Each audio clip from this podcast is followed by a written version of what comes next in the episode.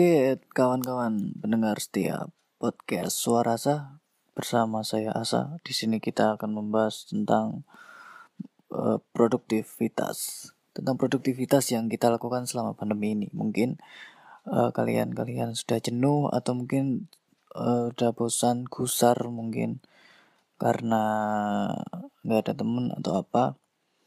Tapi temen ada, cuman yang intens yang buat kita ngobrol itu mungkin uh, volumenya atau frekuensi bertemunya berkurang.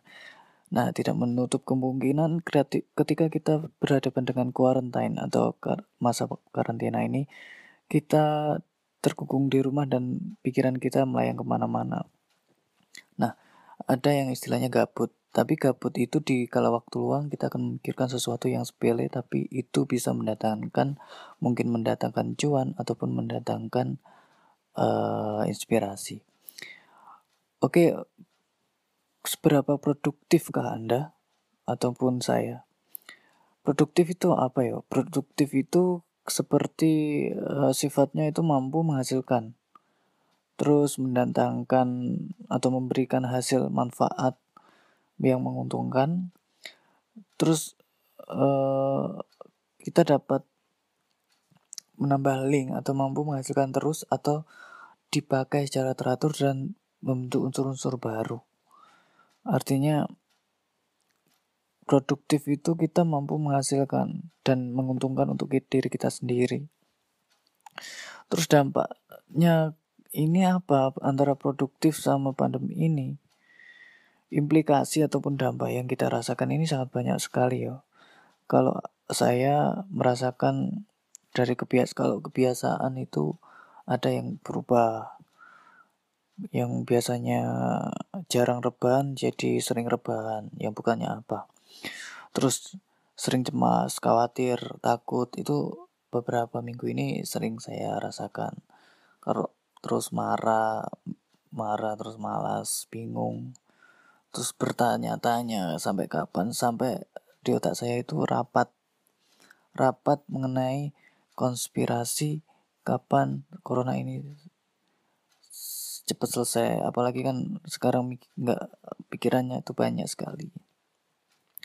Terus perilaku perilaku yang muncul ini di kalangan mungkin nggak saya saja yang merasakan teman-teman juga merasakan hmm, yang sering muncul atau perilaku yang muncul itu yang pertama posisi peringkat pertama adalah malas. Yang kedua adalah tidak punya ide terus terpaku pada satu hal yaitu ya inilah masalah ini terus bosan merasa tidak berguna, jenuh dan lain-lain. Ya, mungkin kalian juga merasakan demikian tapi ini kecuali bagi kalian yang bersifat bodoh amat atau kalian yang hidupnya santuy, sans kayak gitu. Terus apa yang harus dilakukan? Kalau saya hmm, yang saya lakukan ya seperti hidup normal pada umumnya tapi cuma uh, kebiasaan-kebiasaan tertentu yang aku batasi. Tapi patut disadari bahwa saat ini kondisinya memang pandemi, tidak bisa disangkal dan diajukan lagi. Terus mm, bahwa kita ataupun Anda itu tidak sendirian mengalaminya. Semua orang di seluruh dunia itu mengalaminya. Masalah malas, cemas, takut, semua orang merasakan.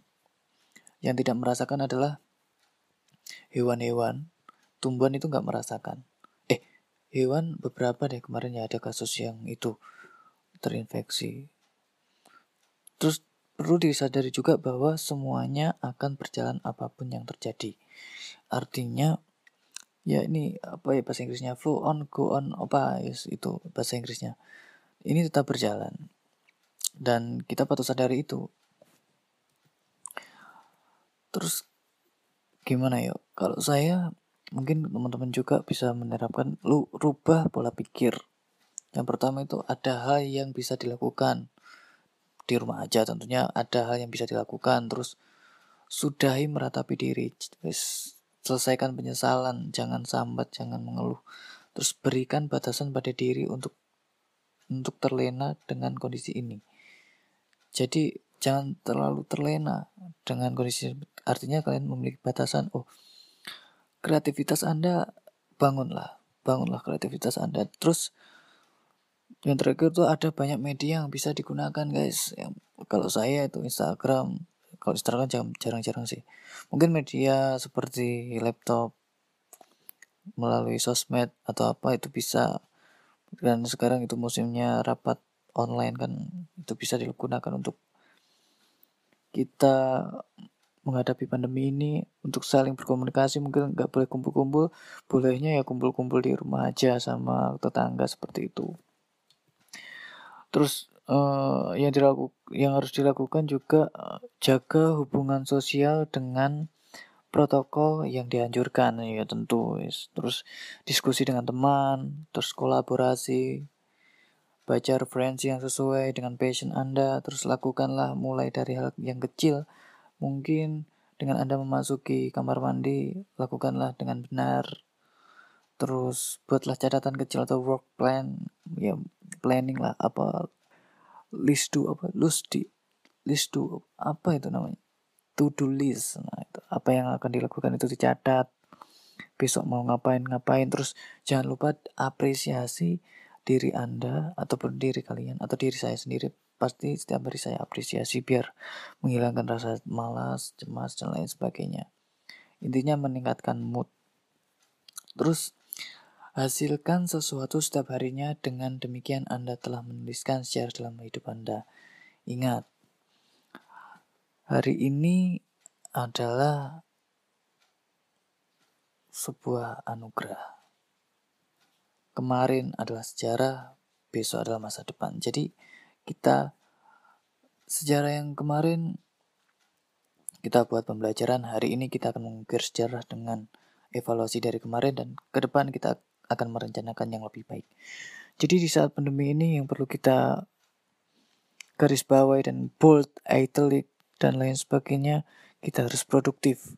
Entah itu kalian menulis puisi kayak ikut seminar-seminar online yang kalian hanya nyimak aja nggak baca terus akhirnya live group. Terus atau mungkin kalian belajar bahasa Inggris atau mungkin kalian latihan renang atau mungkin kalian uh, sebagai joki adik tingkat ataupun joki pelajaran-pelajaran mereka. Kan musimnya uas dan lain sebagainya tugas-tugas banyak. Nah seperti itu. Intinya kalian harus produktif entah itu yang intinya produktif adalah menghasilkan, entah itu kalian bisa menghasilkan uang ataupun bisa menghasilkan karya. Terserah, yang penting buat dirimu senang, buat dirimu setiap hari bermanfaat di saat pandemi ini. Oke, sekian dari saya. Terima kasih. Stay tune di Suara Sa.